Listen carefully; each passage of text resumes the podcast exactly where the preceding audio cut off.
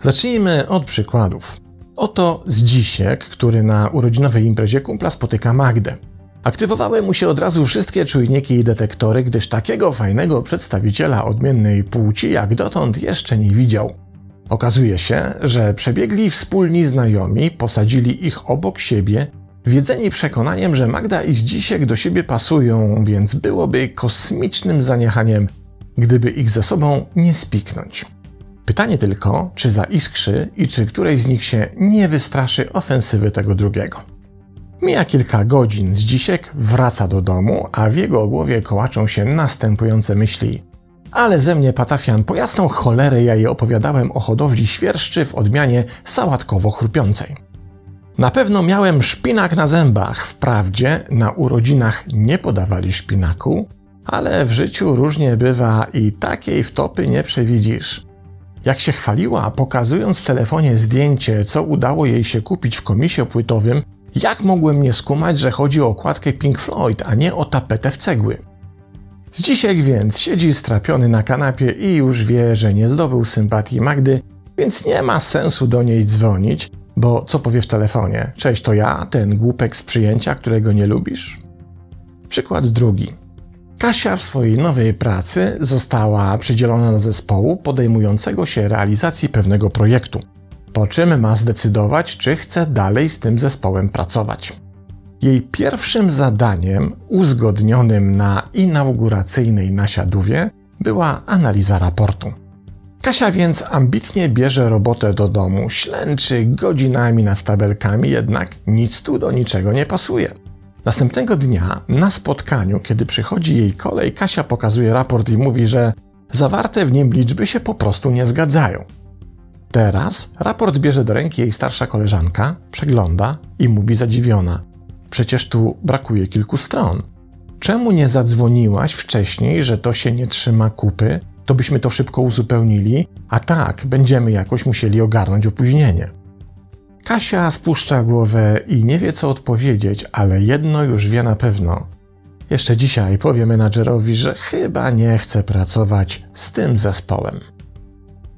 W obydwu powyższych przykładach mamy do czynienia z efektem luki sympatii, wykrytym w badaniach przeprowadzonych w 2018 roku przez połączone siły naukowców z uniwersytetów Harvarda, Essex, Yale i Cornell pod kierunkiem psycholog Eriki Budby.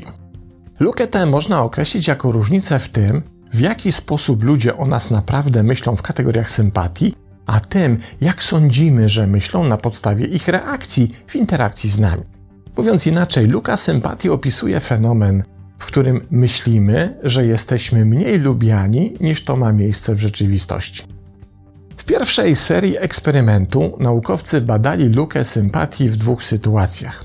Najpierw na grupie studentów pierwszego roku studiów, poznających się jako współlokatorzy w akademiku, w którym mieli wspólnie mieszkać przez najbliższe miesiące.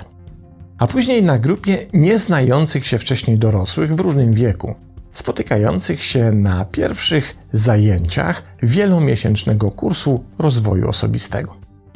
Oczywiście zarówno studenci, jak i pozostali uczestnicy eksperymentu nie znali wyników pomiarów do czasów zakończenia prac badaczy.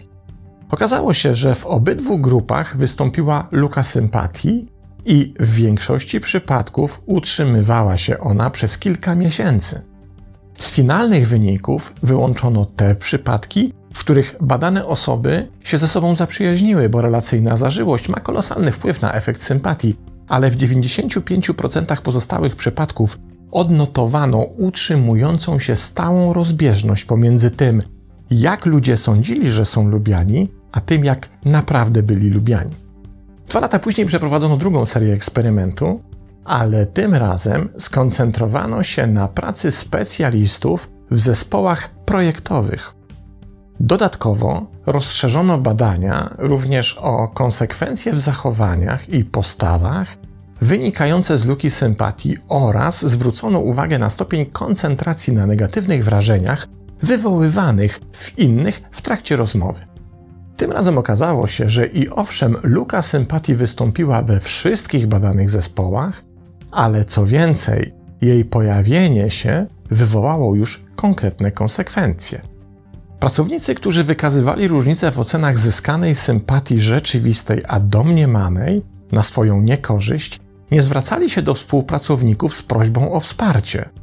Rzadziej udzielali informacji zwrotnej grupie oraz częściej rezygnowali z dalszych prac w danej grupie w przyszłości, które to postawy miały istotny wpływ na wyniki osiągane przez dany zespół. I to zarówno pod względem wydajności, jakości, jak i czasu realizacji projektu. Co więcej, zespół badaczy ustalił, że źródłem efektu luki sympatii było m.in. nieprawidłowe interpretowanie sygnałów komunikacyjnych w tych przypadkach, kiedy badani byli przekonani, że jakiś rodzaj ich zachowania został wykryty przez rozmówcę i źle oceniony. Kiedy tymczasem rozmówcy w ogóle na te szczegóły nie zwracali uwagi.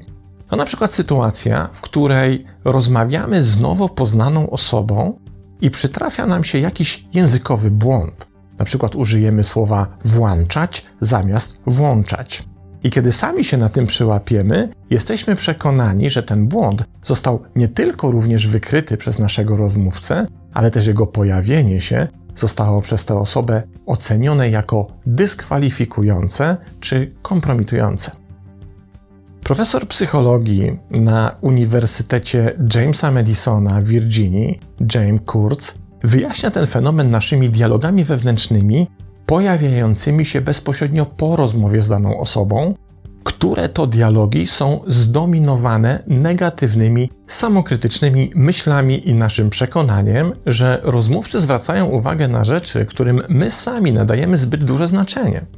Często wśród nich znajdują się takie rzeczy, o których wiemy tylko my, lub też takie, których nasz rozmówca nawet nie byłby w stanie wykryć.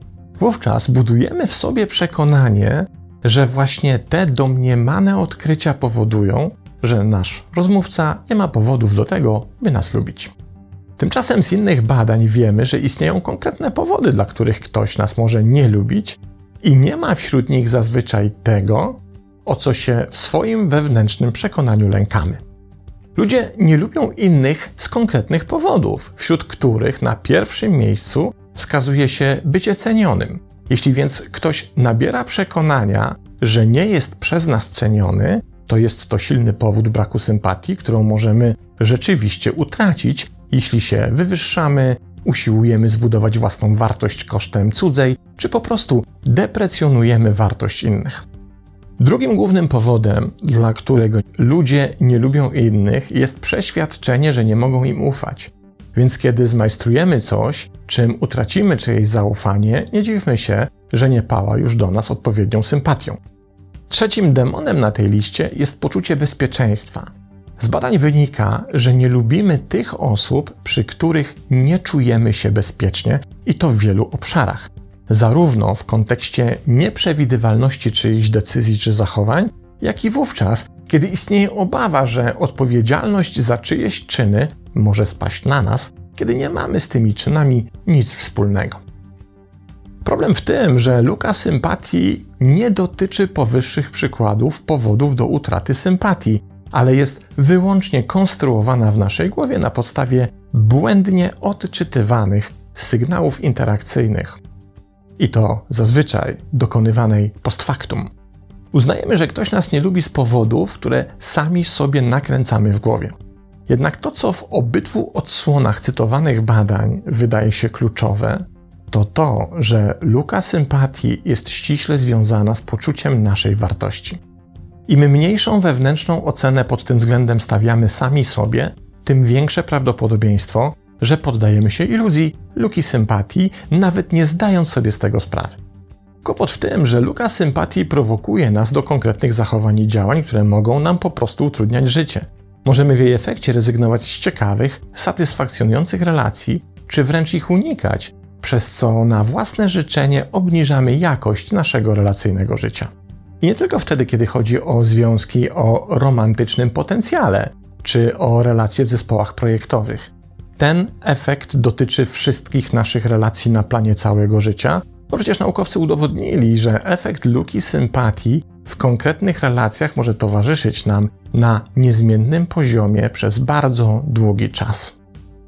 Poradzenie sobie z tym zjawiskiem jest możliwe za pomocą wykorzystania tego samego efektu, który je powoduje, a mianowicie wykrycia różnicy pomiędzy rzeczywistością a tym, w jaki sposób na tę rzeczywistość reagujemy. Prowadzi do tego nieustanne ćwiczenie się w myśleniu dystynktywnym, do czego namawiałem w odcinku 23, co i teraz również polecam. Pozdrawiam.